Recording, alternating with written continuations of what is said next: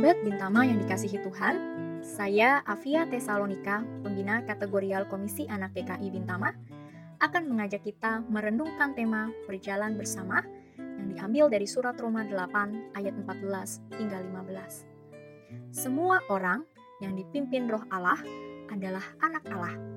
Sebab kamu tidak menerima roh perbudakan yang membuat kamu menjadi takut lagi, tetapi kamu telah menerima roh yang menjadikan kamu anak Allah. Oleh roh itu, kita berseru, Ya Abah, Ya Bapa. Ada penggalan lirik lagu sekolah minggu, Aku anak raja, engkau anak raja, kita semua anak raja. Siapa yang dimaksud raja pada lirik lagu tersebut? Ya, tentu saja adalah Allah, Sang Raja hidup kita.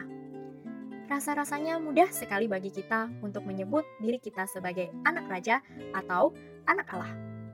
Namun, Apakah kita sudah benar-benar menyadari bagaimana hidup sebagai anak Allah?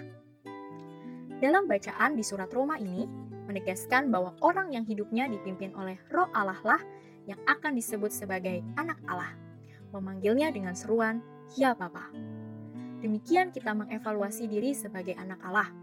Kalau kita memiliki hubungan yang dekat dan membahagiakan, seperti seorang anak dengan papanya. Oleh roh Allah, kita akan dipimpin untuk menjalin kedekatan dengan Bapa. Di dalam kedekatan yang amat membahagiakan dengan Bapa, Roh Kudus juga memampukan kita untuk merdeka dari perbudakan dan ketakutan.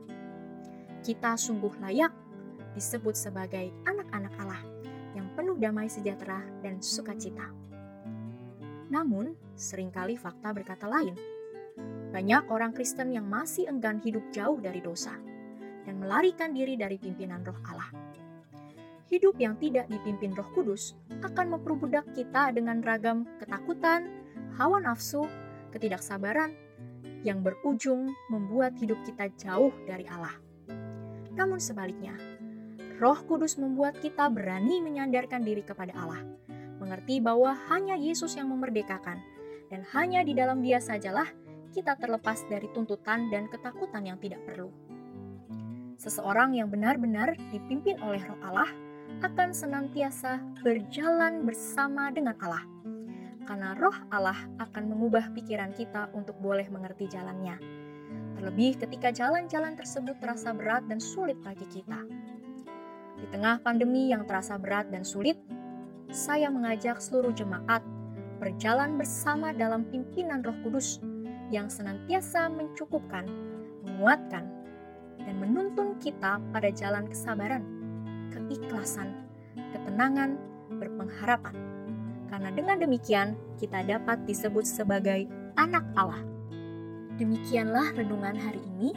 Kiranya Tuhan memberkati seluruh karya kita hari ini.